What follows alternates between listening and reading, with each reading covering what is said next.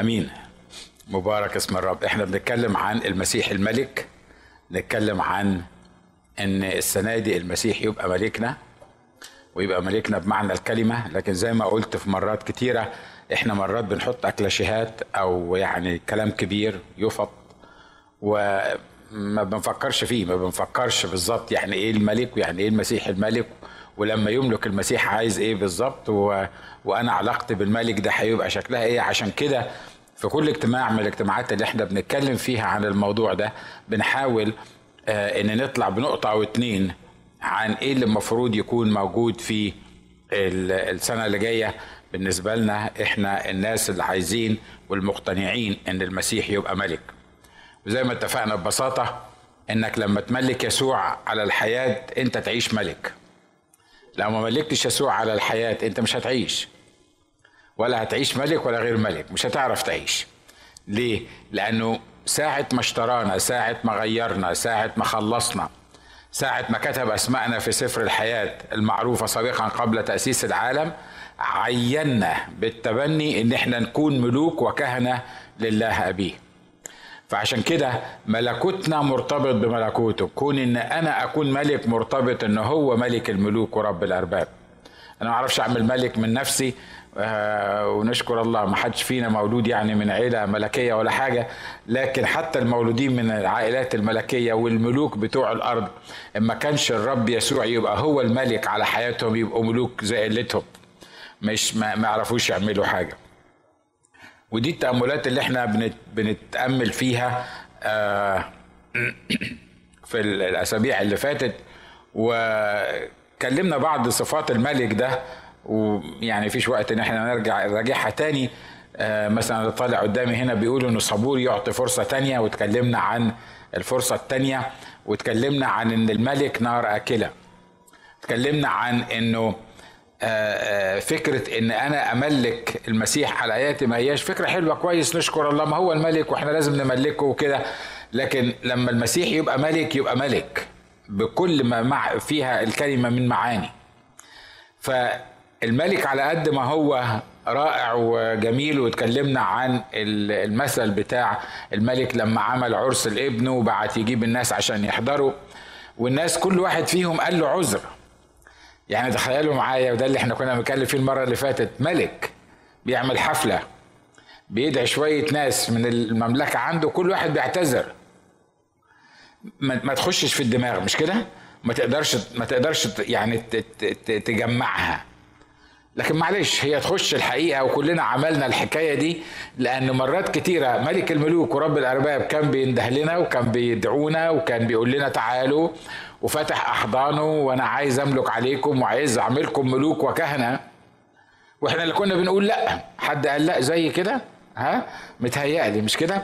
وكنا فاهمين إن إحنا يعني إحنا كل واحد فينا ملك حياته كل واحد فينا هو المسيطر. لكن في إحسان الإله ده إنه بيدي فرصة تانية بيدي فرصة ثالثه وزي ما قلت المرة الماضية إنه ليله الفرصة الثانية والثالثه والرابعة والعشرة اللي عطاها لنا الرب؟ ما كانش ولا واحد فينا يبقى موجود في هذا المكان. لكن هو اللي بيدي الفرصة الثانية علشان آه إحنا نعيش معاه. إيه اللي بيطلبه الملك دون الشيء الطبيعي إنه الملك لما يملك ليه متطلبات مش كده ولا إيه؟ يعني إيه اللي بيطلبه الملك بتاعنا؟ إحنا مش بنتكلم على الملوك الأرضيين زي ما اتفقنا. لأن المتطلبات اللي موجودة للملوك الأرضيين ما حدش يقدر ما حدش يقدر في الفلت يعني. كل واحد فيهم عايش في في الجو بتاعه وكل واحد فيهم فاهم إن هو وارث البلد بتاعته. أنا مش عارف اخترعوا الملوك دي إزاي بس اني anyway أهو اختراع فاشل اني anyway آه في في الدنيا كلها إن واحد يبقى ملك دولة. وفي ناس عاجبها الملك بتاعهم و وكل اللي هم بيتطلعوا ليه إن هو بيأكلهم وبيشربهم وبيحرسهم و... ونشكر الله الأمن مستتب وهو ملك. الملك رايح والملك جاي. لكن الحقيقة معظمهم حتى لو هم فاهمين كده هم ما هماش أنضف ناس لأن ممكن في المملكة ناس كتيرة يبقوا أنضف منهم بشكل أو بآخر. فاهميني مش كده؟ أنا مش بتكلم سياسة باي ذا أنا بتكلم عن عن علاقتنا إحنا بالشخص الرب يسوع المسيح.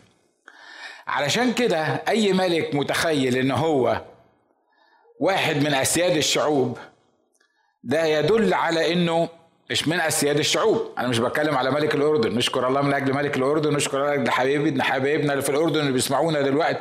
نشكر الله لاجل الجو الجميل اللي في الأردن والاستقرار اللي في الأردن. لكن ان طلع ولا نزل أهو ملك من ملوك الشعوب. مش كده ولا إيه؟ لكن إحنا عندنا ملك مختلف. إحنا عندنا ملك اسمه ملك السلام. إحنا عندنا ملك اللي هو ملك الملوك ورب الأرباب. الحقيقة بقى إن أسياد الشعوب هم الكنيسة.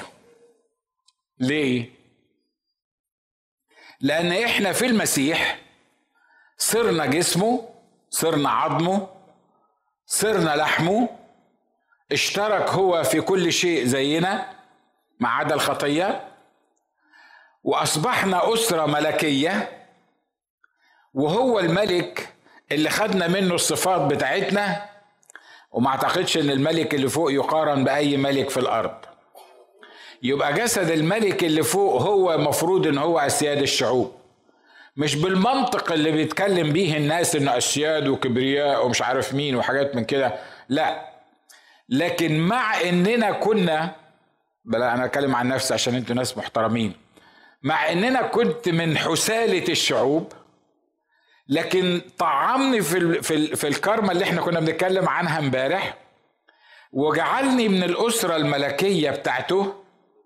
عشان كده أنا أسياد أنا واحد من أسياد أي شعب موجود في العالم اللي كانوا موجودين واللي هيجوا لغاية ما يجي شخص الرب يسوع المسيح. مش في نفسي لكن فيه من غيره ما سويش لكن فيه أنا فعلا سيد وفعلا ملك وفعلا عبد لملك الملوك ورب الأرباب.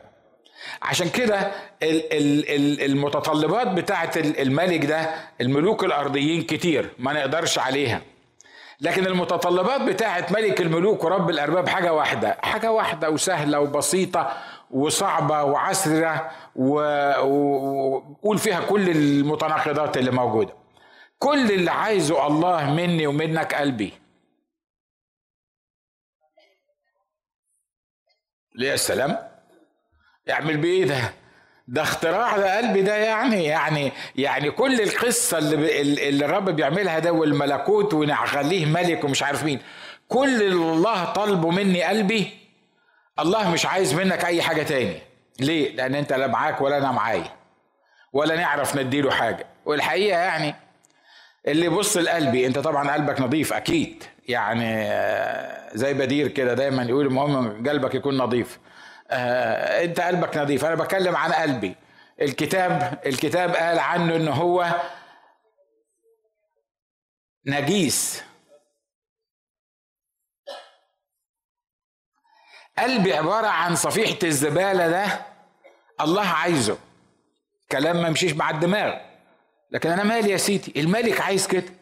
لما الملك يطلب مني حاجة أنا مش هقول له أنت بتطلب حاجة يعني بتطلب حاجة إزاي كده؟ يعني يعني أنت لازم تطلب حاجة على مستواك أنت لازم تطلب حاجة كبيرة جدا. ما أنا ما عنديش. وأنت ما عندكش. إحنا لا نملك في الحياة كلها اللي على الأرض إلا حاجة واحدة بس قلبنا. تقول لي لا إحنا نملك جسدنا ونملك مخنا ونملك آه، حاجات كتيرة. الحقيقة نحن لا نملك في هذه الأرض غير القلب. ليه؟ لأن القلب زي ما هنشوف وهنشوف أنواع القلوب بيطلع منه كل الخير وبيطلع منه كل الشر. والقلب هو كيان الإنسان أنا مش بتكلم على حتة اللحمة اللي بتعمل كده لأن دي تعبانة وعمالين يسلكوا فيها ومش عارف بيعملوا أنت عارف يعني الحاجات اللي بيعملوها لل... للناس لكن أنا بتكلم عن كيان الإنسان اللي الكتاب بيقول عنه إن هو إن هو قلبه عشان كده الملك ده طلب حاجة واحدة بس. قال يا ابني أعطني قلبك ولتلاحظ عيناك طرقي. لما تديني قلبك كل حاجة تمشي مظبوطة. لما تديني قلبك تلاقي نفسك. لما تديني قلبك تبقى ملك. لما تديني قلبك أبقى أعرف أسيطر عليك أعرف أمشيك زي ما أنا عايز. تقول لي ده ربنا يعمل اللي هو عايزه ياخد قلبي غصب عني. ولو قلت له لأ يولع فيا يعمل أي حاجة. ليه؟ ده ربنا يقدر يعمل أي حاجة. الحقيقة ربنا ما يقدرش يعمل أي حاجة. في حاجة واحدة ما يقدرش يعملها ربنا. وهو إنه ما يلتزمش بالقوانين اللي هو حطها وبالكلمة بتاعته وبطبيعته. ما يقدرش ما يقدرش. لأن الله ما يقدرش يطلع من طبيعته. الله ما يقدرش يعمل حاجة عكس طبيعته. الله ما يقدرش يطلب حاجة عكس كلمته. ما يقدرش. تقول ما يقدرش دي كلمة كبيرة. يعني ما ينفعش تقول على الله إن هو ما يقدرش. عارف لأن الله فهو ما يقدرش. دي مش فلسفة دي ها؟ ده ده ده. عارف ليه هو ما يقدرش؟ لأن الله.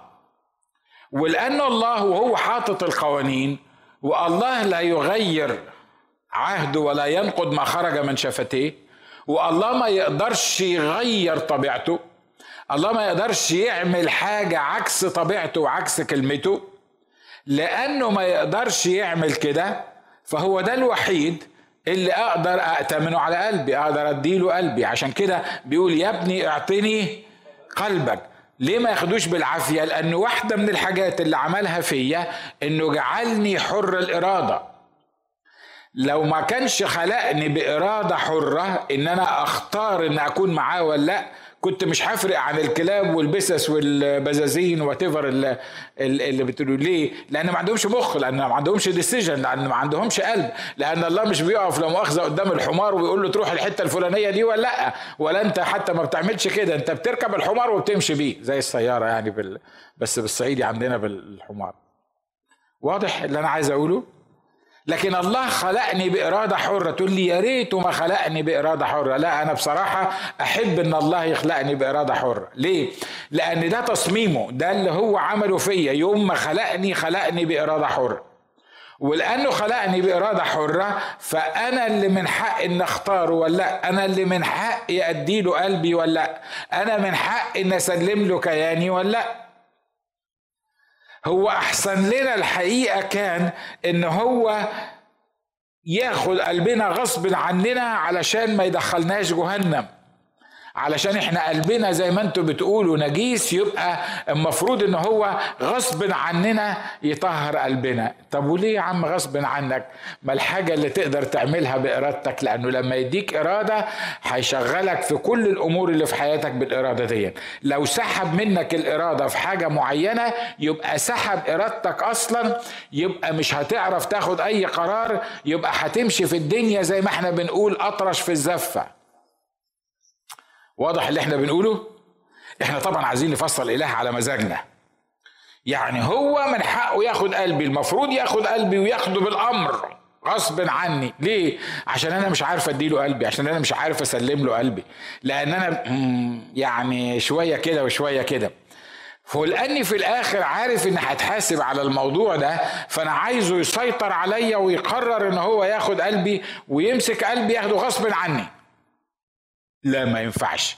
يعمل كده لأن إحنا مش مصممين على هذا الأساس. وفي الوقت نفسه لو عمل كده معايا مش هيبقى لي اختيار. ولو ماليش اختيار يبقى مفيش داعي إنه يبقى لي مخ أفكر بيه. ليه؟ لأنه لو أنا ماليش اختيار وماشي زي ما هو عايزني وبس وربطها علينا على في أعناقنا يعني وخلاص يعني يعني عملها كده لازم نمشي فيها. يبقى ما عندناش مخ يبقى ما نقدرش نستخدم المخ بتاعنا في أي حاجة. عشان كده الخليقة دي خلقة الله دي إن الإنسان ده حاجة متكاملة قلب ومخ وجسم وكل ما فيه. وأهمها أهم شيء لأن الله بيحترم الإنسان فأعطاه حرية الاختيار. بس زي ما قلت للمرة الأخيرة إحنا بننقي الحتة بنختار الحتة اللي تعجبنا وعايزينها والحتة اللي ما تعجبناش ومش عايزينها. عشان كده بيقول الله بيقول يا ابني أعطني قلبك. بس ده أنا كل اللي طالبه منك. تقول لي لا هو مش بس طالب قلبي الحقيقة هو طالب قلبي وطالب عشوري. هنتكلم في الموضوع ده والعطاء. هو طالب قلبي وطالب جيبي ومتهيألي برضو طالب لساني علشان آه، يعني ينضف شوية وطالب ايدي علشان ما تعملش الحاجات اللي مش كويسة وطالب السيارة بتاعتي عشان يستخدمها. عايز أقول لك ببساطة كده لو عطيته قلبك بالكامل تبقى عطيته كل حاجة. عشان كده هو ما بيجزأهاش هو ما بيجزأهاش. مرات كتيرة بنطلب من الناس إن يعملوا حاجات ما بيقدروش يعملوها. ليه؟ لأن القلب القلب نفسه ما هواش في إيدين الرب بالكامل. وخصوصا إحنا إحنا هنفرض موضوع العطاء ده في وقت من الأوقات. مرات مرات تحط تبص تلاقي وخصوصا في الفضائيات نشكر الله من أجل الفضائيات يقعدوك ثلاث ساعات أو أربع ساعات عمال تقول لناس ادفعوا هاتوا. أنتوا مش شايفين المسلمين عاملين فينا إيه؟ فإحنا لازم نعمل زيهم ولازم نوصل الرسالة ولازم مش عارف نعمل إيه. متهيألي كلكم اتصيتوا في الموضوع ده مرات كتيرة وبتتصوا فيه مرتين في السنة في كل الفضائيات نشكر الله which is مهم إن إحنا آه، نسبورت وندي وحاجات من كده. لكن لكن هات وهات وهات وهات وهات وهات وهات وهات. وأنا قلبي مش هنا دماغي مش هنا. في مرة رحت الفضائية من الفضائيات وبعدين بيقولوا لي بيقولوا لي أنت النهارده يعني تصورك إيه؟ للحلقة دي بتاعت ال fund raising أنا I hate إن أنا أكون موجود في ال fund raising by the way وبعمل كل مجهودي إن أنا أزوغ من الحكاية دي لدرجة أنا زعلت مني ناس كتير. بس any anyway يعني صلوا لي إن أنا أستمر في الموضوع ده وأزعلهم. يعني عشان عشان ما أروحش. مش لأني ما بحبش العطاء ومش لأني ما بشجعش الناس إنها تدي. لكن أنا ما بحبش ال setting ده ما بحبش القعدة دي فبيقولوا لي بيقولوا لي أنت أنت يعني يعني إيه الخطة بتاعتك النهارده اللي حن هنقولها للناس عشان يعني نحنن قلوبهم يعني يدفعوا كده؟ قلت لهم أنا هقول لهم حاجة واحدة بس. أنا هقول لهم خلي حياتكم الروحية ترتفع وادوا قلبكم بالكامل للرب واحكي لهم عن اختبارات روحية حصلت معايا ومش هقول لهم هاتوا فلوس. طبعا بينفع مع بعض الناس اللي فاهمة وبعض الناس اللي مش فاهمة ما بينفعش. ليه؟ لأن هو حافظ ان هو يقعد على الكرسي يدوسوا عليه بالزرار يحكي لك عن هات وهات وهات وهات وزي ما إحنا قلنا وده مش الموضوع بتاعنا النهارده. لكن أنا بتكلم عن عن الحاجة اللي أنا فاهمها. قلت لهم بصوا أنا عندي اختبارات في إزاي ربنا سدد احتياجاتي. أنا مش هقول للناس ادوني فلوس مش هقول مش هلم فلوس للقناة أو غيرها. لكن هقول للناس إزاي الله سدد احتياجاتي وإزاي الله بيسدد احتياجاتي. ولما الناس تفهم إن الله بيسدد احتياجاتي ومستوى إيمانهم يبتدي يعلى تلقائيا من غير ما تقول له اديني هيديلك. مش كده ولا إيه؟ يبقى الشغل بتاع سواء الفضائيات أو اللم أو غيره مش في الدماغ الشغل في القلب. لأن لو ما كانش القلب يعلى مستواه الروحي يبقى حتى اللي بيدي بالدماغ ده صدقني ما أعرفش يبقى فلوسه فيها بركة ولا ما فيهاش بس اني anyway لكن أنت عارف أنت عارف مرات مرات مرات الناس يحسسوك بعودة الذنب إنك أنت محتاج تعمل الحاجة دي لأن خطية ده غلبان وخطية ده محتاج وخطية ده مش عارف عايز إيه. وتلاقي نفسك أنت بمشاعرك الإنسانية بتحاول إنك أنت ما إحنا بني آدمين يعني بشر يعني عندنا مشاعر بنحاول ننفعل مع الناس ونسدد الاحتياجات بتاعتهم. أنا شخصيا ما بعملش كده عملت كده كتير واتضحك عليا كتير. لكن أنا بعمل حاجة تاني. أنا بفكر في الموضوع روحيا. لما تدي قلبك للرب ما حدش هيقول لك ادفع عشور لما تدي قلبك للرب ما حدش هيقول لك اعطف. ما حدش هيقول لك ساعد. ما حدش هيقول لك فكر في الآخرين. ليه؟ لأن القلب الجديد اللي عطاه لك الرب تلقائيا دي النتائج بتاعته الثمرة دي الشجرة دي الشجرة الصالحة دي مش هتقدر زي ما كنا بنقول امبارح تطلع حاجة إلا كل صلاح. ومن أكتر الحاجات اللي لما الله وهنتكلم زي ما قلنا بالموضوع ده بالتفصيل من أكتر الحاجات إن لما الله يمتلك على قلبك تلاقي جيبك بقي سهل إنك تحط إيدك فيه صح؟ لما تبقى حياتك أنا مش بتكلم على دراويش by the way يعني أنتوا عارفين إن أنا مش مش من النوع ده. أنا مش بتكلم على ناس ما بتفكرش يعني بتمشي بالعواطف والانفعالات. أنا بتكلم على ناس روحية بتعرف تسمع صوت الرب. تبقى موجود في اجتماع معين أو في مكان معين. مفيش في جيبك غير دولار. وبعدين الرب يقول لك طلع الدولار ده حطه في العطا. طب الدولار ده لو حطيته في العطا ده أنا هروح ماشي. حصلت مالي مع, يمكن مع حد فيكم مش كده؟ مش لازم دولار يعني أنتوا ناس أغنياء فممكن يبقى معاك 10 دولار يعني تطلعهم وتحطهم في حاجة معينة. أو أو دي الحاجة اللي إحنا دي عارف دي الحاجة اللي إحنا يعني السكيورتي بتاعنا ده, ده دي الحاجة اللي إحنا وفرناها لما تعبنا فيها.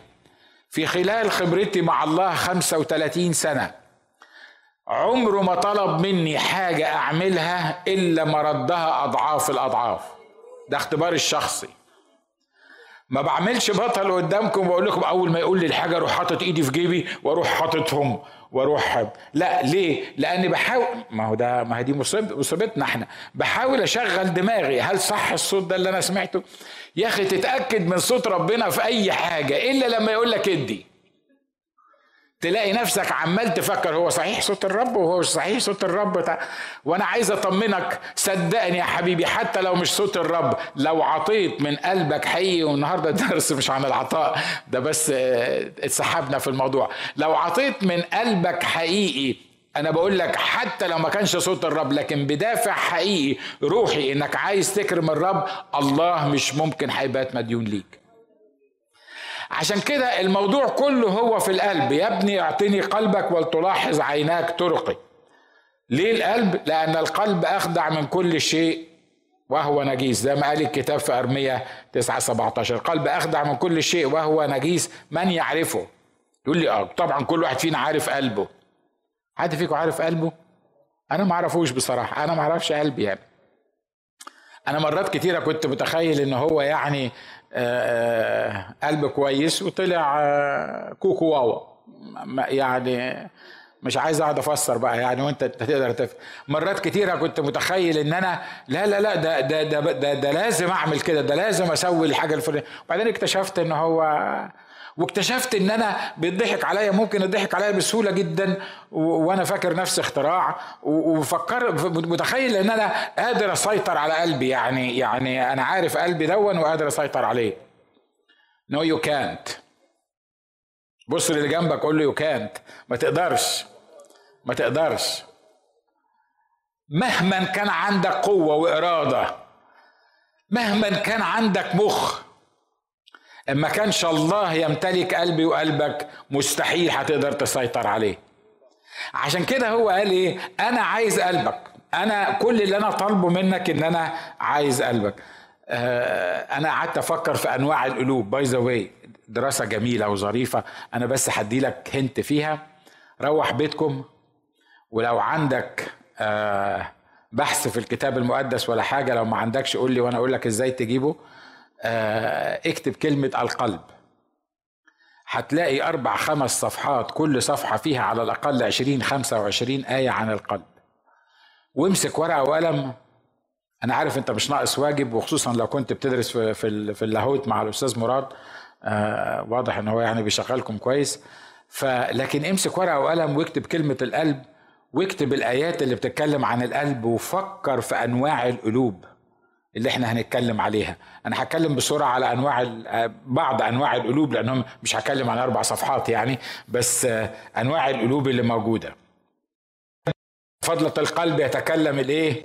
الفم. الإنسان الصالح من كنز قلبه الصالح يخرج الصلاح والإنسان الشرير من كنز قلبه الشرير يخرج الشر. فإنه من فضلة القلب يتكلم فمه. وعلى فكرة هنا حاطط نوعين من القلوب هنا.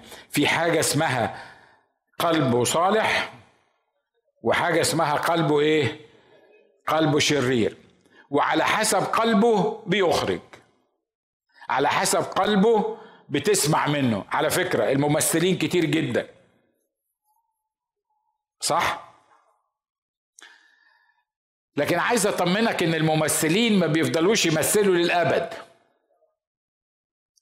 وخصوصا لو كنت أنت مليان بالروح القدس وعندك روح يعني تمييز وعندك حكمة خلي اللي قدامك يقول زي ما هو عايز. خليه يعني ياخدك بالحضن ويفضل يهريك بوس. أو يعني أنا مش عايز أتكلم بالتفصيل لأن حد تخبط في حد ويفكر أنا مش بتكلم عن حد أمام الله. خليه يقول اللي هو عايز يقوله. لكن لأن عندك تمييز حقيقي هتقدر تكتشف الروح اللي بيتكلم بيها القلب اللي بيتكلم بيه الطريقة اللي بيعملها.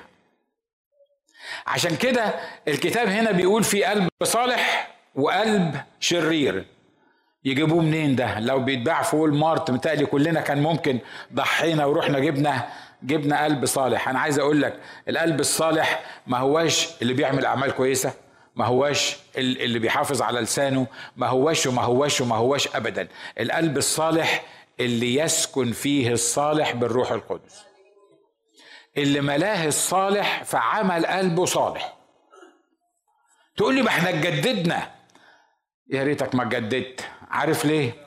لأنك لو كنت مش متجدد كنا عرفنا إنك مش متجدد. وكنا خلاص حطيناك في اعداد اللي. اللي مش متجددين.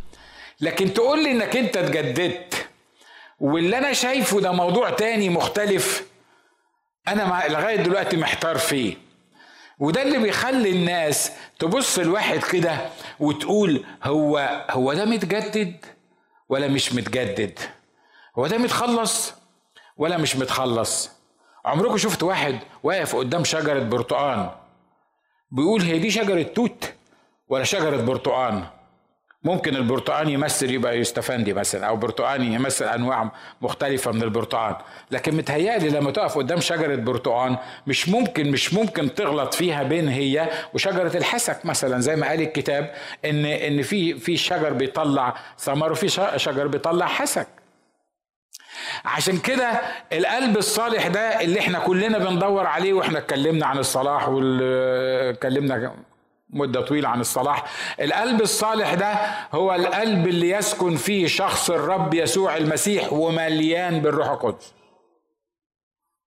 مش بس اللي هو يسكن فيه شخص الرب يسوع المسيح. في حاجة اسمها القلب الحكيم. وكل حاجة أقولها لك هتلاقي عكسها موجود. ما دام في قلب حكيم يبقى في قلب إيه؟ في قلب إيه؟ آه جاهل ينفع. أنا كنت أستعمل كلمة قلب غبي. فهو هو جاهل جاهل. بيقولوا ها أنا قد جعلت معه أهولياب ابن أخي سماك من سبط دان وفي قلب كل حكيم القلب جعلت حكمة ليصنعوا كل ما أمرتك به. هو هو الأخ بصلالعيل ده والناس اللي كان أعطاهم القلب دول. هو الحكيم دون العقل ولا القلب؟ اللي أنا أفهمه إن أنا محتاج واحد عقله حكيم عنده فطنة عنده حكمة عقلية يقدر يشوف الحاجة اللي ربنا عايزه يعملها ويعملها. مش كده ولا إيه؟ يعني يقدر يصور يقدر يبني يقدر ي... واتيفر الحاجة اللي بيعملها دي مش محتاجة قلب. شفت واحد فيكم قلبه بيفط في الكاميرا مثلا عشان يحرك الكاميرا ولا بيحركها بإيديه ومن خلال دماغه ومن خلال عينيه ومن خلال تفكيره. الشيء الطبيعي إن اللي بيعمل وبيتحرك وبيفكر ما هوش القلب. الشيء الطبيعي إن اللي بيفكر وبيتحرك هو إيه؟ هو العقل. مش كده ولا إيه؟ ده حسب ما إحنا شايفين. لكن اللي شايفه الله مختلف. ليه؟ لأن الحكمة اللي بيسكبها الله مش بيسكبها بس في العقل وإلا كانت تبقى محدودة على مستوى العقل. لكن الحكمة اللي بيسكبها الله فيا وفي الإنسان بيسكبها في المنبع علشان لما القلب ده يضخها في الجسم يوصلها للعقل ويوصلها للعينين ويوصلها للإيدين ويوصلها للرجلين كما لو كان المنبع بتاع الحكمة هو القلب لأنه هو اللي بيضخ الحكمة دي لكل أجزاء الجسم. لكن لو اتحطت في جزء واحد في الجسم هيبقى ممكن يكون الجزء ده هو الحكيم فيه لكن باقي الأجزاء اغبياء واضح؟ حد قابل الفلسفة اللي أنا بتكلم بيها دي؟ بتاعي دي حقيقية مش كده؟ عشان كده بيقول إيه؟ الرب هنا بيقول أنا إنه جعل في قلب ال- الكل واحد حكيم. حط الحكمة ديا ولما تقرأ في سليمان وتقرأ في الأمثال وتقرأ في في الكلام ده كله هتلاقيه دايما مركز على القلب. إنه إنه من من القلب يطلع الحاجة الفلانية. الحكمة تطلع من القلب. ال ال الحاجة اللي بيديها الله بيديها في قلبك. عشان كده في حاجة اسمها القلب الحكيم. الأغبياء ما عندهمش دماغ غبي. الأغبياء عندهم قلب غبي.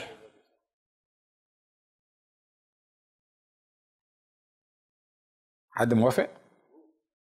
مش كده؟ عارف ليه؟ لأن القلب الغبي بيخليه بيتكلم بغباء بيستخدم لسانه بغباء مش كده ولا إيه؟ القلب الغبي يخليه يشوف بغباء برضه مع إن عينيه يعني ما يعني بس برضه اللي بيشوفه تحس إن هو بيشوف بغباء تخليه اللي بيسمعه يسمع اللي هو عايزه بس بغباء برضه يسمع بغباء يبقى كل الحواس بتاعته كل الحركة بتاعته كل اللي بيعمله يبقى في النهاية هو إيه؟ غبي. و by the way اللي قلبه حكيم اللي الله يديله حكمة يتصرف صح يشوف صح يتكلم صح يتعامل مع الناس صح كل حاجة يعملها صح. ليه؟ لأن ال reservoir ده اللي موجود أو ال storage ده أو المخزن اللي موجود دون مخزن الصلاح لما بيطلع بيطفح على كل الأماكن دي. مقتنعين إحنا بالحكاية دي. علشان كده الله بيتكلم عن القلوب، القلب الحكيم، قول له يا رب من فضلك اديني قلب حكمة. يا رب اديني قلب حكيم، اديني قلب يفهم صح، يتصرف صح، يتكلم صح. في كتاب بيقول هنا عن موسى بيقول فدعا موسى بصلائيل واليهاب وكل رجل حكيم القلب. قد جعل الرب حكمة فين؟ في قلبه مش في عقله. لأن مرات كتيرة الحكمة لما بتبقى في العقل بس لكن المصدر ما بيطلعش حكمة بتستخدم الحكمة بتاعتك في إنك تدمر نفسك وتدمر الآخرين وتعمل لهم كنترول وترسم لهم خطط. صح؟ مظبوط؟ زمان كنت بقول عن نفسي كده. بقول لو حطيت حد في دماغي أنا كنت بعمل الحكاية دي زمان. صدقوني بحاول أبطلها. Anyway بطلتها بنعمة الرب. لما أحط حد في دماغي لما أعمل له خطة لما مش عارف يحصل إيه كنت فخور جدا بدماغي. كنت فخور جدا بمخي. كنت متخيل إن أنا الاختراع اللي حصلت في حياتي turning point زي ما بيقولوا. هقول لكم قصة بسرعة. القصة إنه كنا في الكنيسة عندنا في مصر كنا بنختار مجلس كنيسة.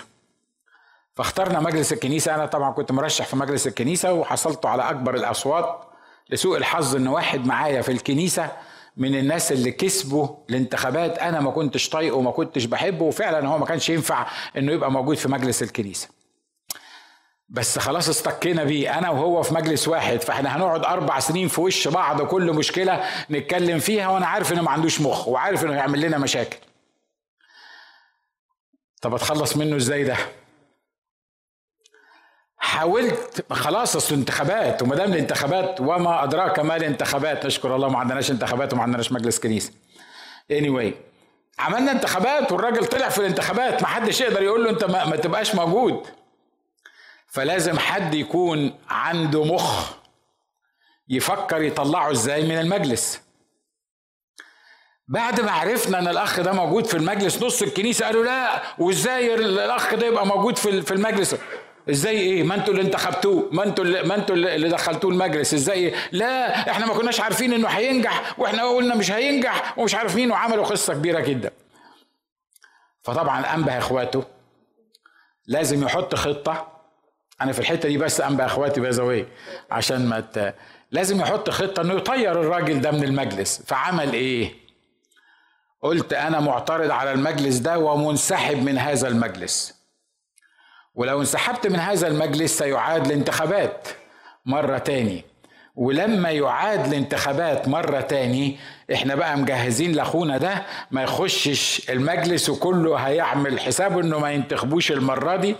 وطبعا أنا هترشح مرة تاني وهينتخبوني وهو مش هينتخبوه. ويبقى اتحلت العملية. شرير ها؟ معلش آه. رحت الأسيس الكبير بتاعي قلت له أنا منسحب من الانتخابات. هو كان ربنا عطيله حكمة الحقيقة يعني كان عنده حكمة كبيرة جدا. فراح وأنا قاعد قدامه كده شاب بقى وفرحان بنفسي بخطط و... قال لي ناجي؟ قلت له نعم. قال لي ما تدخلش السياسة في الدين. فأنا بصيت له كده قلت له يعني إيه سياسة ودين؟ وأنا دخلت السياسة وأنا عملت إيه في السياسة؟ قال لي ناجي أنت فاهمني كويس قوي وما تدخلش السياسة في الدين وإلا ربنا هيحاسبك على الموضوع ده. فقلت له يعني إيه؟ قال لي يعني أنت مش أنت واخد بالك أنت فاكر إن أنا مش واخد بالي إنك عايز تنسحب من المجلس عشان نفتح باب الترشيح تاني عشان أصحابك ما ينتخبوش الأخ ده ويطلعوه من المجلس؟ فبصيت له كده قلت له ما أنت عارف وأنا عارف إن أنت عارف الحكاية دي. قال لي ده تدخيل السياسة في الدين. ده مش مش مش إخضاع الإرادة لله يعمل اللي هو عايزه. لو كان الله خلى الشخص ده يكون موجود في المجلس يبقى الله يا إما بيعاقب الناس اللي اختاروه يا إما هو عايزه يبقى موجود في المجلس وإنت آخر مرة تدخل السياسة في الدين. أنا بحكي لك عن خيبتي. حقيقي. أنا بحكي لك بس عشان تتعلم الحكاية دي. عارف مرات مرات بندير عمل الرب أو مرات إحنا بنتخيل إن إحنا بنساعد ربنا بالدماغ بتاعنا بإن إحنا نفصل له خطة نعمل له خطة كما لو كان هو مزنوق فيها يعني مش عارف يتصرف فإحنا بنعمل له خطة والخطة بتاعتنا ما تخرش المية علشان في النهاية يتنفذ اللي في دماغنا. عايز أطمنك إن فوق العالي عاليا والأعلى فوقهم.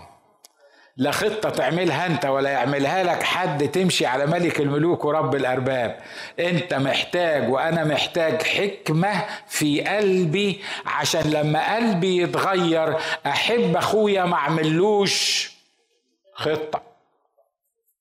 واضح؟ الخطط اللي بالدماغ بتنجح طبعا بتنجح. ليه؟ لأن وراها إبليس وراها إبليس بيعملها إبليس وبينفخ فيها. لكن عايز أطمنك المؤمن الحقيقي اللي يسكن فيه الروح القدس حتى لو اتعملت له خطة من إبليس مش هتنجح معاه. لأن المؤمن الحقيقي ده في ستر العالي يبيت. المؤمن الحقيقي ده مش متروك ليا وليك نعمل له خطط والخطط دي أنا مش بتكلم عن أي حاجة في اسم يسوع صدقوني قدام الله. لكن مش هتقدر تعمل لي خطة ولا هقدر أعمل لك خطة أضرك بيها. ليه؟ لأن أمرك مش معايا وأمري مش معاك لكن في واحد معاه أمرنا كلنا ماسك في إيده أمرنا كلنا. بس مطلوب حاجة واحدة بس إنه يسكب الحكمة في قلبي. أنا بركز على حكاية سكب الحكمة في القلب دي. في آه في في قلب قلب ضعيف. كتاب قال عنه كده في تثنية 28 بيقول لما لما لما تخشوا الحرب آه، الرب بيوصي موسى ما يخش الحرب. بيقول ثم يعود العرفاء يخاطبون الشعب ويقولون من هو الرجل الخائف والضعيف القلب؟ ليذهب ويرجع إلى بيته لئلا تذوب قلوب إخوته مثل قلبه. في ناس قلبها رهيف قوي. معرفش يعني إيه الموضوع ده يعني إحنا دايما بن في ناس دايما خايفة. القلب الضعيف ده ما عندوش قلب قوي وبرضه مرة تاني بقول إن القلب القوي ده ما بيشتروهوش من وول مارت ولا بيشتروه من آه، سيفالات أنا ما أعرفش الأسماء المحلات. بس anyway القلب ده بياخدوه من شخص الرب يسوع المسيح. القلب ده لما يملاك شخص الرب يسوع المسيح هتلاقي قلبك قوي.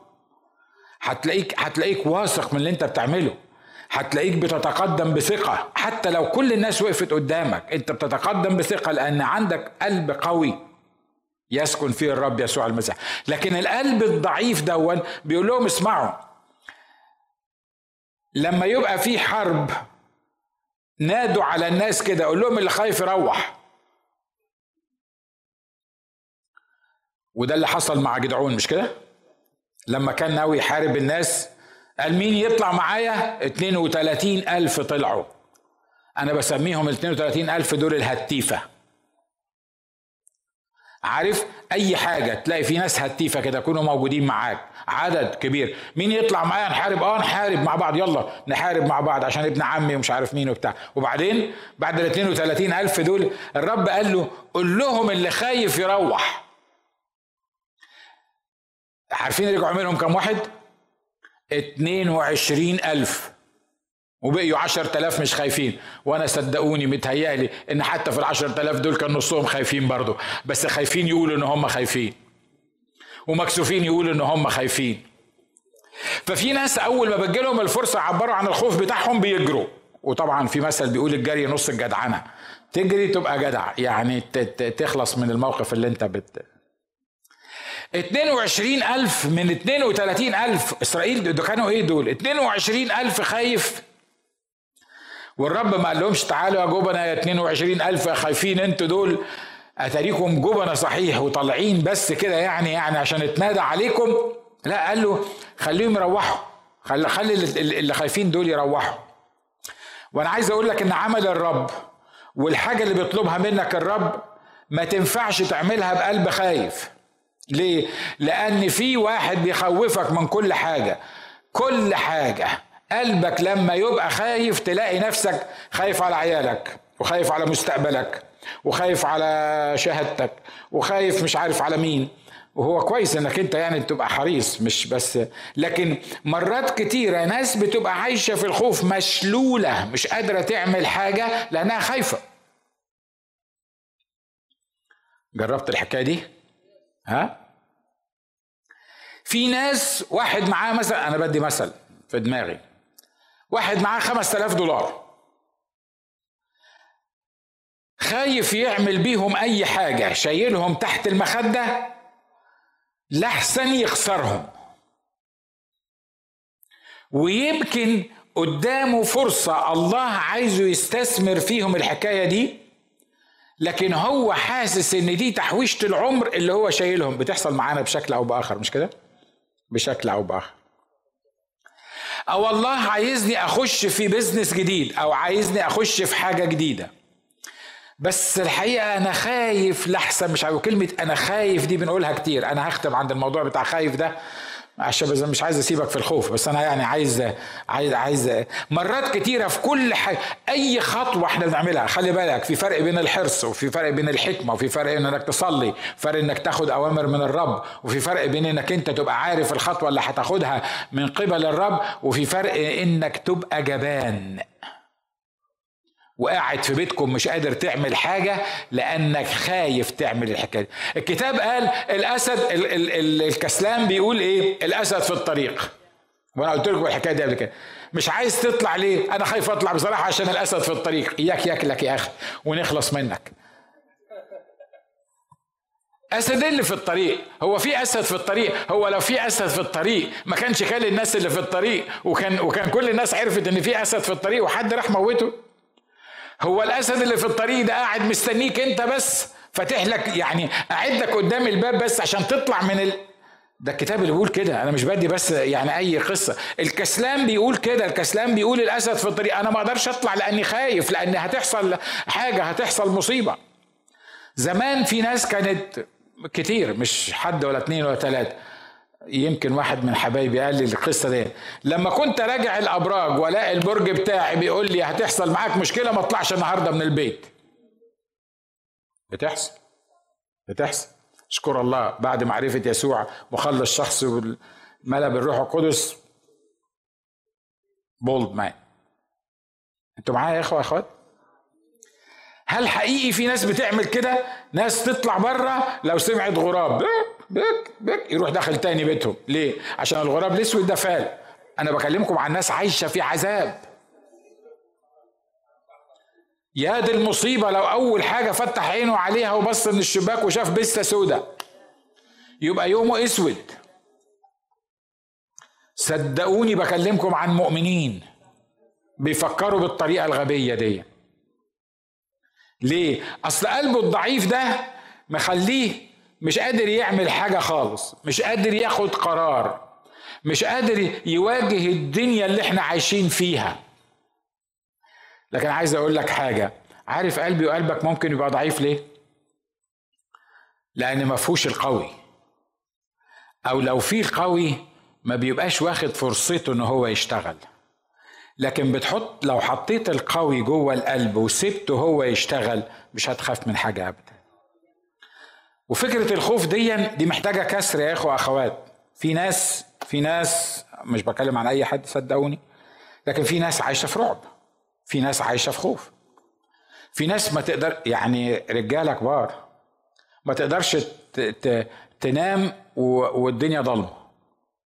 تقدرش تنام والدنيا ضلمة. ما يقدرش ينام لوحده في بيته. ليه؟ لأنه بيخاف. بيخاف. حد فيكم بيخاف من الضلمة؟ Anyway مش ترفعش إيدك يعني مش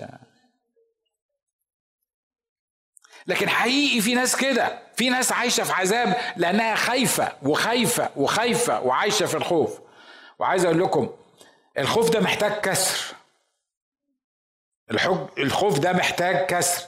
الله لم يعطنا روح الخوف روح الفشل بل روح القوة والمحبة وإيه؟ والنصر. لأنك لما تخاف خلي بالكم مرة الرب قال كده لواحد من الأنبياء قال له لو خفت قدامهم أنا هعمل لك إيه؟ هرعبك. لا تخف من وجوههم لئلا أريعك. لأن الخوف بيولد خوف والخوف بيجيب لك خوف والخوف يخليك عايش في الخوف وتفضل عايش في الخوف وعايش في الخوف وعايش في الخوف وتفضل مشلول. الخوف ده محتاج كسر. أقول لكم الكسر أنا لسه كنت بكتب مقالة عن الموضوع ده باي من عشر ساعات. أقول لكم القصة دي اتكسرت فيا إزاي. طبعا في فرق بين إنك تعمل بطل على المنبر وفي فرق بين إنك أنت مثلا تروح العراق أيام صدام وأنت عارف إن أنت واخد فيزا اسمها شخصية اعتبارية يعني جاي من الكنيسة الإنجيلية ورايح تزور بغداد وطبعا الأخ صدام يعني لو ما كانش رضي عليك كان عملك بلوبيف آه، أكل بيك السمك بتاع دجلة والفرات. أنتوا عارفين القصة دي مش محتاجين نقولها يعني على آه، على الإنترنت. فلما تروح يعني العراق وأنت وأنا مالك أنت أنت قاعد في أمريكا إيه اللي يوديك العراق في الفترة دي؟ أو ليبيا مثلا. ليبيا لما نزلت من ال من السيارة المطار الأخ اللي جه خدني في ليبيا قال لي أنا طالب منك حاجتين. قلت له نعم. قال لي وإحنا ماشيين في الطريق من المطار للبيت هنعدي على قصر من قصور القذافي. قال لي من فضلك ما تبصش ناحية القصر. واوعى تبص ناحية القصر وتبحلق كده. قلت له ليه؟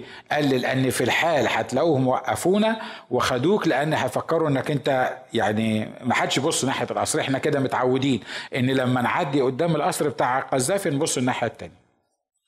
والحاجة التانية قال لي لو سمحت ما تجيبش ما تنطقش كلمة القذافي في أي مناسبة بأي شكل من الأشكال ولا آه، سيادة الرئيس كلمة القذافي ما تنطقهاش. وعلى فكرة أنا لقيتها برضه في العراق لأن قلت لكم الحكاية دي قبل كده كان كل اللي بيتكلم التاني يقول له سيادة الرئيس حفظه الله ورعاه. ده اسمه إيه ده؟ ده اسمه خوف مش كده؟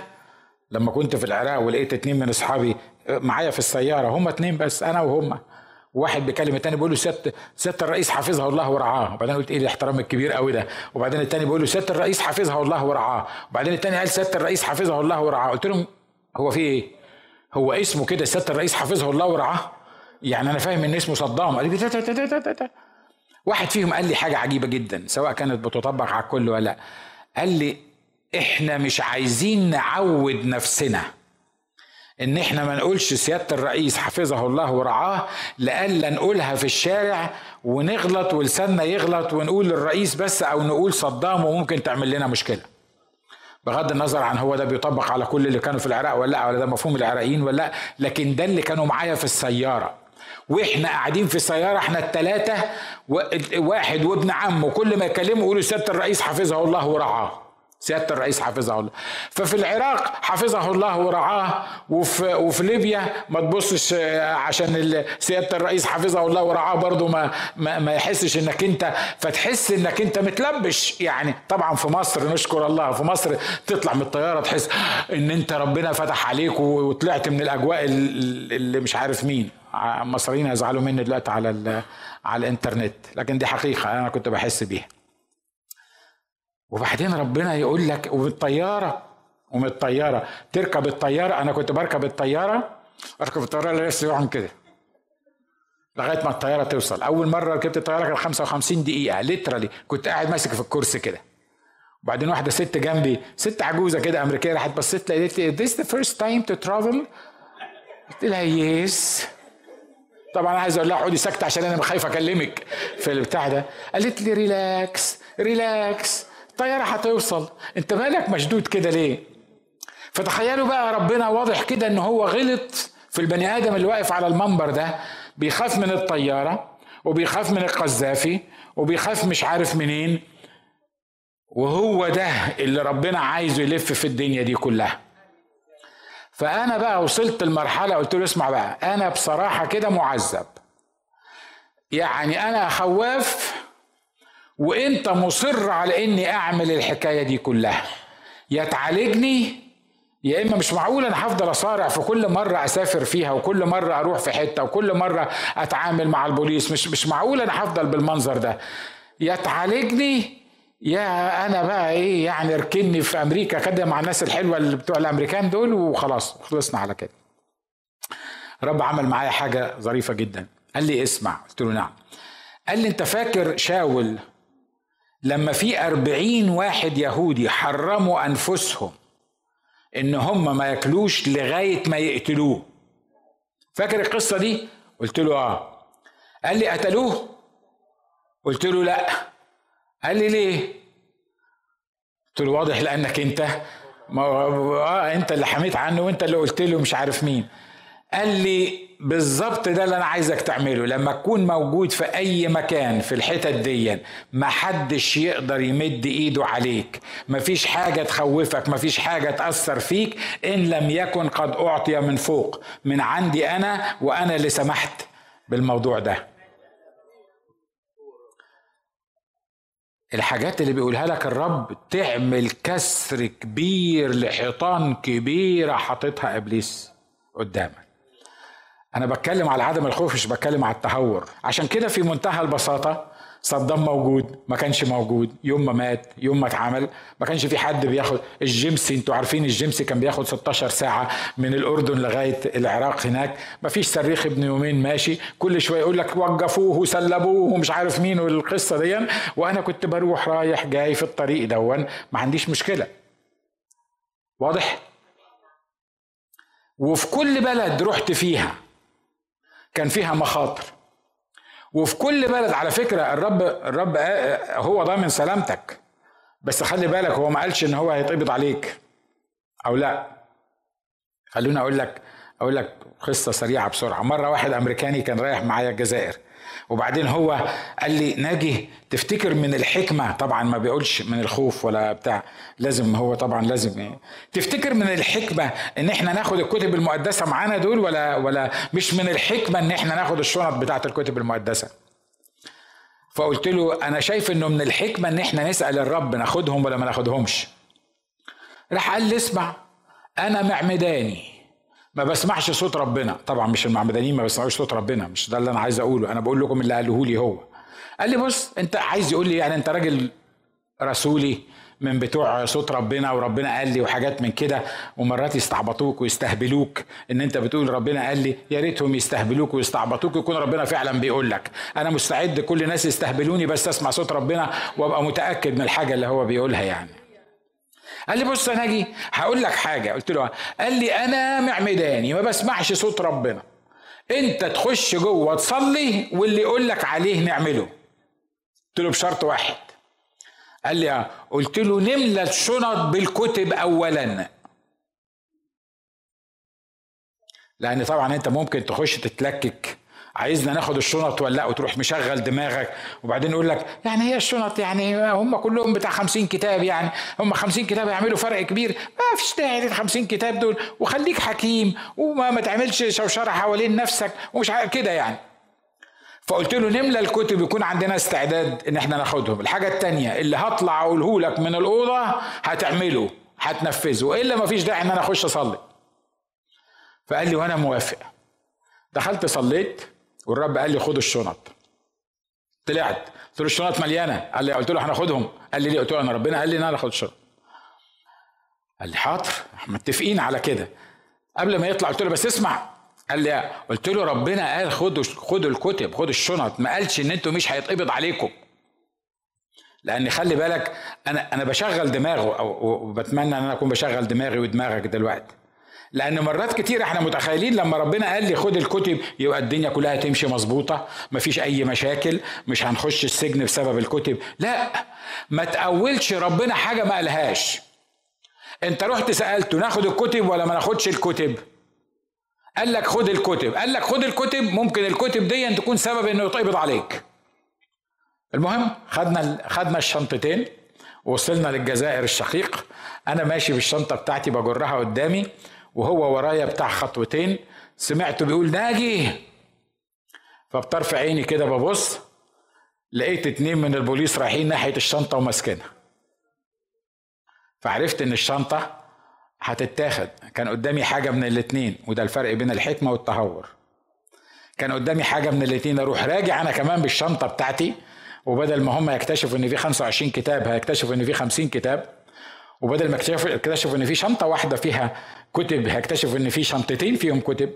وبدل ما يكتشفوا إن في مهرب واحد دخل المطار يبقى في مو... اتنين مهربين دخلوا المطار وساعتها تبقى قصة عنتر بقى وخش السجن إحنا الاثنين يا إما يحصل إيه؟ قلت كمل. بس خلي بالك اوعى تكمل وتسيب المسكين موجود جوه. ها؟ طلعت بسرعة عطيت الشنطة اللي معايا للأخ اللي كان مستنيني قلت له اختفي. الشنطة التانية اتاخدت. اختفي انت من المشهد لغاية ما ما نطلع إحنا بعدين. هو خد الشنطة بالسياره ومشي. بعدين أنا رجعت جيت اخش المطار لقيت الراجل طالع وماسك الشنطة عادي ومفيش مشكلة. بقول له إيه اللي حصل؟ قال لي معرفش هما مسكوا الشنطة وكلموني بالعربي وبعدين أنا فهمت إن هم عايزين الباسبور بتاعي. فأنا طلعت الباسبور بتاعي. أول ما شافوا الباسبور الأمريكاني قالوا لي طب مع السلامة. بس. كم درس طلعت بيه من القصة اللي أنا حكيتها دي واحد. إنك تبقى على استعداد إنك تعمل اللي يقوله لك الرب. اتنين. تجهز كل حاجة وبعدين تصلي. تجهز تجهز قلبك. تجهز دماغك. تجهز الشنطة اللي أنت واخدها معاك. وبعدين تصلي عشان لو ما كانتش جاهزة الوسواس الخناس هيلعب في دماغك وهيخليك ما تجهزهاش طول عمرك. الحاجة الثالثه إنك ما تحملش الله أكتر من اللي قاله لك. لو قال لك روح تروح ما تروحش ما تروحش. لو قال لك روح وما تاخدش الشنطة تروح وما تاخدش الشنطة. لو قال لك روح وخد الشنطة تروح وتاخد الشنطة. لو قال لك روح وخد الشنطة ووزع ال ال ال الكتب المقدسة على العساكر اللي موجودين في المطار اعمل كده. تعمل زي ما بيقول لك بالظبط. الحاجة الرابعة علاقتي وعلاقتك بالرب ما هياش مبنية على إن هيحطوني في السجن ولا لأ هيأذوني ولا لأ هيعملوا كذا ولا لأ. الحاجة اللي تكسر الخوف حقيقي فيا أن أفعل مشيئتك يا إلهي. سررت لما تبقى في مشيئة الرب حتى لو دخلت السجن هتخش السجن وانت مش سعيد ومبسوط وإلا تبقى محبل يعني. لكن هتخش السجن وانت عارف إن دي إرادة الرب بالنسبة لك. لو الله عايزك تروح حتة أنا عارف إنها سكيري أنا عارف إن الناس كلهم واقفين فيها أنا عارف. على فكرة السفرية اللي قبل الأخيرة اللي إحنا سافرناها أنا سافرتها عشان حاجة واحدة بس. لكن بقالي أربع سنين ما سافرتش مصر. وده ما حصلش من 25 سنة من ساعة ما جيت أمريكا لأني كنت بسافر على الأقل ثلاث مرات أو أربع مرات في السنة. لكن من ساعة الثورة أنا ما سافرتش مصر. وأنا مش بقول أسرار لأنه معروفه على الإنترنت ان أنا مرفوع عليا قضية ازدراء في مصر. فكل حبايبي وإخواتي واللي حواليا أوعى تنزل مصر. حتى المؤمنين الحلوين اللي بيحبوني اللي بعضهم باصص في وشي دلوقتي. Anyway أنا بص ناحيتها عشان ما بصش عليه. ف آه، اوعى تنزل مصر. اوعى تنزل مصر. أقول لكم الحقيقة في وقت من الأوقات أنا كنت خايف أنزل. ليه؟ لأن إبليس بيجي يقول لي خليك حكيم. افهم بقى أنت لو نزلت مصر ممكن ما ترجعش. ممكن يدخلوك ما يطلعوكش من مصر. والخوف له عذاب. وبعدين كل ما أقول قدام الأخت أماني أنا عارف إن أنا طولت عليكم بس أنا بقول لك صدقني حاجات قصص عشان تسمعها وتفهمها وتحطها جواك وتشتغل عليها. كل ما أقول لأخت أماني مصر تقول مش عارف إيه إلا مصر ومش هنروح مصر ومش عارف مصر ومش وبعدين طبعا happy wife happy life ف ولأن ما كانش عندي أمر دلوقتي إن أنا أقرر إن أنا أعمل كده أنا لو كان عندي أمر دلوقتي أقرر إن أعمل كده لو شياطين الجحيم. وقفت ضدي ما كنتش سكت فأسكت وأسكت وأسكت. وبعدين جيت في وقت معين الرب قال لي انزل مصر. قلت لها قلت لها بقول لك إيه؟ قالت لي قلت لها المرة دي مختلفة. قالت لي قلت لها إن الرب قال انزل مصر. وعشان نجيبها من الآخر انت فاهمة. أنا مقدر إن انت خايفة عليا وكل حاجة. طبعا أنا مستغل إنها مش موجودة النهارده بس هي جاية. وهتسمع الكلام ده على ال. فقلت لها أنا مقدر إنك خايفه عليا وكل الكلام ده أنا عارفه. بس الرب قال هتنزل مصر. وأنا هنزل مصر. فعدي نفسك بقى مش بس أنا هنزل مصر أنت هتنزلي معايا. في اليوم ده سكتت. مع يعني بعدها بأسبوع مثلا تقريبا أو 10 أيام لسه مفتح عينيا الصبح لسه مفتح عينيا لقيتها هي على السرير قاعدة بتصلي بعدين ما فتحت عينيا راحت باصة في وشي كده قالت لي أنا عايزاك تبص في عينيا على طول كده من أول ما فتحت أول ما فتحت عينيا عايزاك تبص في عينيا وتقول لي ربنا قال لك تنزل مصر بلسانك قلت لها أنت كنت بتحلمي ولا إيه؟ هو أنت طول الليل قاعدة تحلمي بمشوار مصر ولا إيه؟ طب استني لما نغسل وشنا يعني ون... ونتكلم. رحت بصيت لها في عينيها كده قلت لها ربنا قال لي هننزل مصر وهننزل مصر إحنا الاثنين. قالت لي خلاص وأنا نازلة معاك. أنا عايز اعرف إيه اللي حصل. يعني يعني إيه إيه اللي حصل؟ إيه اللي يعني ما إحنا امبارح بالليل كنا هابين والنهاردة بن بنتكلم، بعدين قلت لها بصي انت ربنا كلمك في حاجة حصلت إيه التغيير اللي مرة واحدة ده حصل إيه قالت لي أنا قلت لابننا الكبير أندي قلت له إن بابا هينزل مصر أندي قعد يصرخ زي الستات من الناحية التانية. قال لها بابا هينزل مش هيرجع وبابا هينزل مش عارف أعمله فيه إيه وما عنديش استعداد أخسره وحاجات من كده. الصغير أبو 18 سنة. قال لها ماما؟ قالت له نعم. قال لها لو ربنا عايز بابا يموت في اليوم الفلاني هيموت ولا لأ؟ لو كان في مصر ولا هنا. فقالت له هيموت. قال لها الحاجة الوحيدة اللي تعمليها معاه عشان تتأكدي إن هو ربنا عايزه يموت في مصر بص في وشه كده وقولي له ربنا قال لك تنزل مصر وتسمعي من لسانه يقول لك أيوه ربنا قال لي انزل مصر.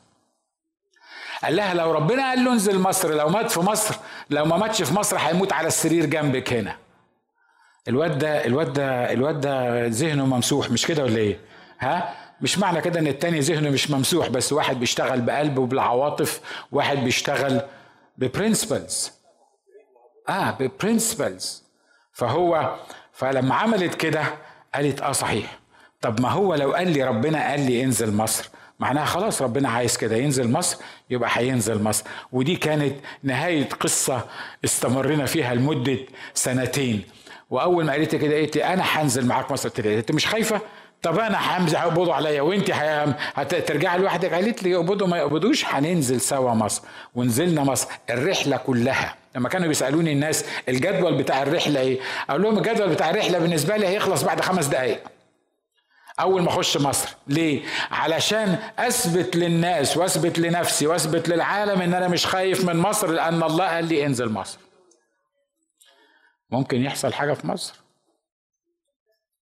أسهل أسهل منها مفيش لكن أنا ما يفرقش معايا فين وهيحصل إيه. على فكرة صدقوني قدام الله أنا ما بعمل بطل قدامكم. أنا زي زيك بالظبط. عندي نفس الأفكار بخاف بقلق بتشد. لكن أنا عندي حاجة واحدة بس اتعلمتها والنهاردة الهدف الأساسي من القلب ده إنك تبطل القلب الخايف. قول له أنا بودع القلب الخايف النهارده مفيش خوف اني مور أنا واثق إن حياتي معاك واثق إن عمري معاك واثق إن أيامي معاك واثق إن محدش لا يقع أحد بك أحد ليؤذيك. ليه؟ لأنك أنت معايا. أنا عارف أنه يسقط عن جانبي ألف وربوات عن يميني. إلي لا يقرب. ليه؟ لأن أنا عايش في ستر العلي وفي ظل القدير أبيت. أنا مش متروك للظروف. أنا مش متروك للخوف. أنا مش متروك للعدو. أنا ابن ملك الملوك ورب الأرباب واللي هو يقرره هيحصل في حياته. خلينا نحمي رؤوسنا مع بعض وصلي. وقول يا رب أنا عايز النهارده حاجة جديدة تحصل في حياتي. أنا عايز كسر للخوف اللي في حياتي.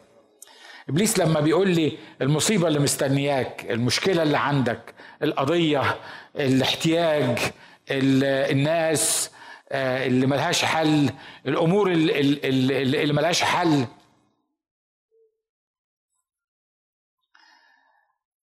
لو كان ربنا كلمك في الموضوع وانت محتاج فعلا كسر في الموضوع ده أنا بدعيك النهارده إنك تطلع لقدام. أنا شايف إن في حاجة روحية حقيقية كسر الحاجة حقيقية. الله عايز يعملها. ما تقعدش تجلد في نفسك وما تقعدش تجلد في نفسك إن أنت في مرات كتيرة بتبقى خايف ومش قادر. لكن قول أنا محتاج قلب جديد. أنا محتاج قلب جديد أنت تكون مليه. القلب الخايف ده أنا تعبت منه. الكلام اللي عمال يقوله لي إبليس ومخوفني ليل ونهار شال حركتي. مخليني دايما متوقع إن في حاجة سيئة هتحصل في حياتي إن في في مشكلة هتحصل في حياتي. إن حاجة مش هقدر أخلص منها. حاجة بتطاردني.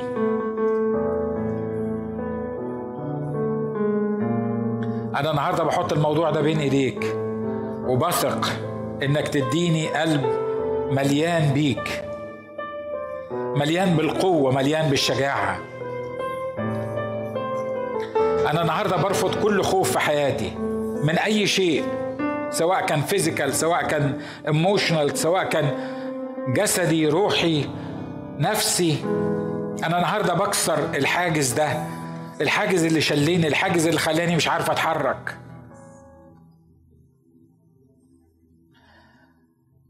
مكتوب حرركم الإبن فبالحقيقة تصيرون أحرار. أنا عايز حياة جديدة أنا عايز حاجة مختلفة. أنا عايز حاجة مختلفة النهارده. أنا عايز كسر كسر حقيقي الروح الخوف اللي موجود جوايا. أنا عايزك تملى قلبي بالروح القدس. روح القوة والمحبة والنصح. ال sound mind العقل السليم. أنا عايزك تملى حياتي بالشجاعة. مش هخاف بعد اليوم.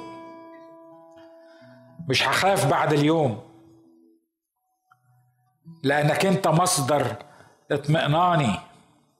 لأنك أنت الصخر الكامل صنيعه.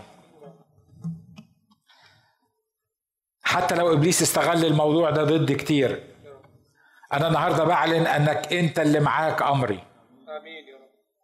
وإن محدش يقدر يقرب مني لا عدو ولا شيطان ولا إنسان ولا أمور حاضرة ولا أمور مستقبلة تقدر أن تفصلني عنك.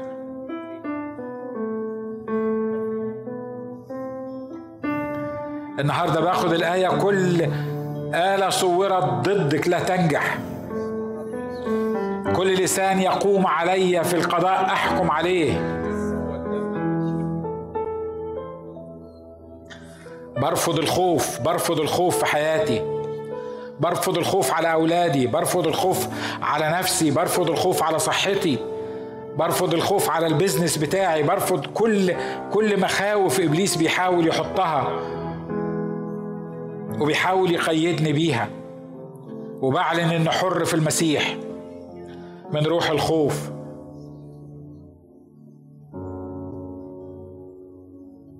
We come against you. نقف ضدك يا روح الخوف. بروح القوة والمحبة والنصح الممنوحة لينا من شخص الرب يسوع المسيح.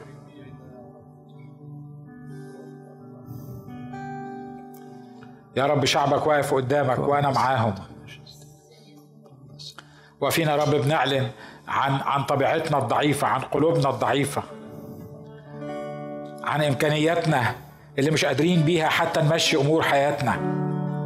بنعلن يا رب إن عدوك حاول مرات كتيرة إنه يشلنا ويشل تفكيرنا من خلال روح الخوف. لكن النهارده بنعلن نصرتنا في شخصك. بنعلن كسر الخوف في حياتنا. أولادنا محفوظين في شخصك. بيوتنا محفوظة في جلالك. أعمالنا محفوظة في شخصك. ممتلكاتنا محفوظة في شخصك.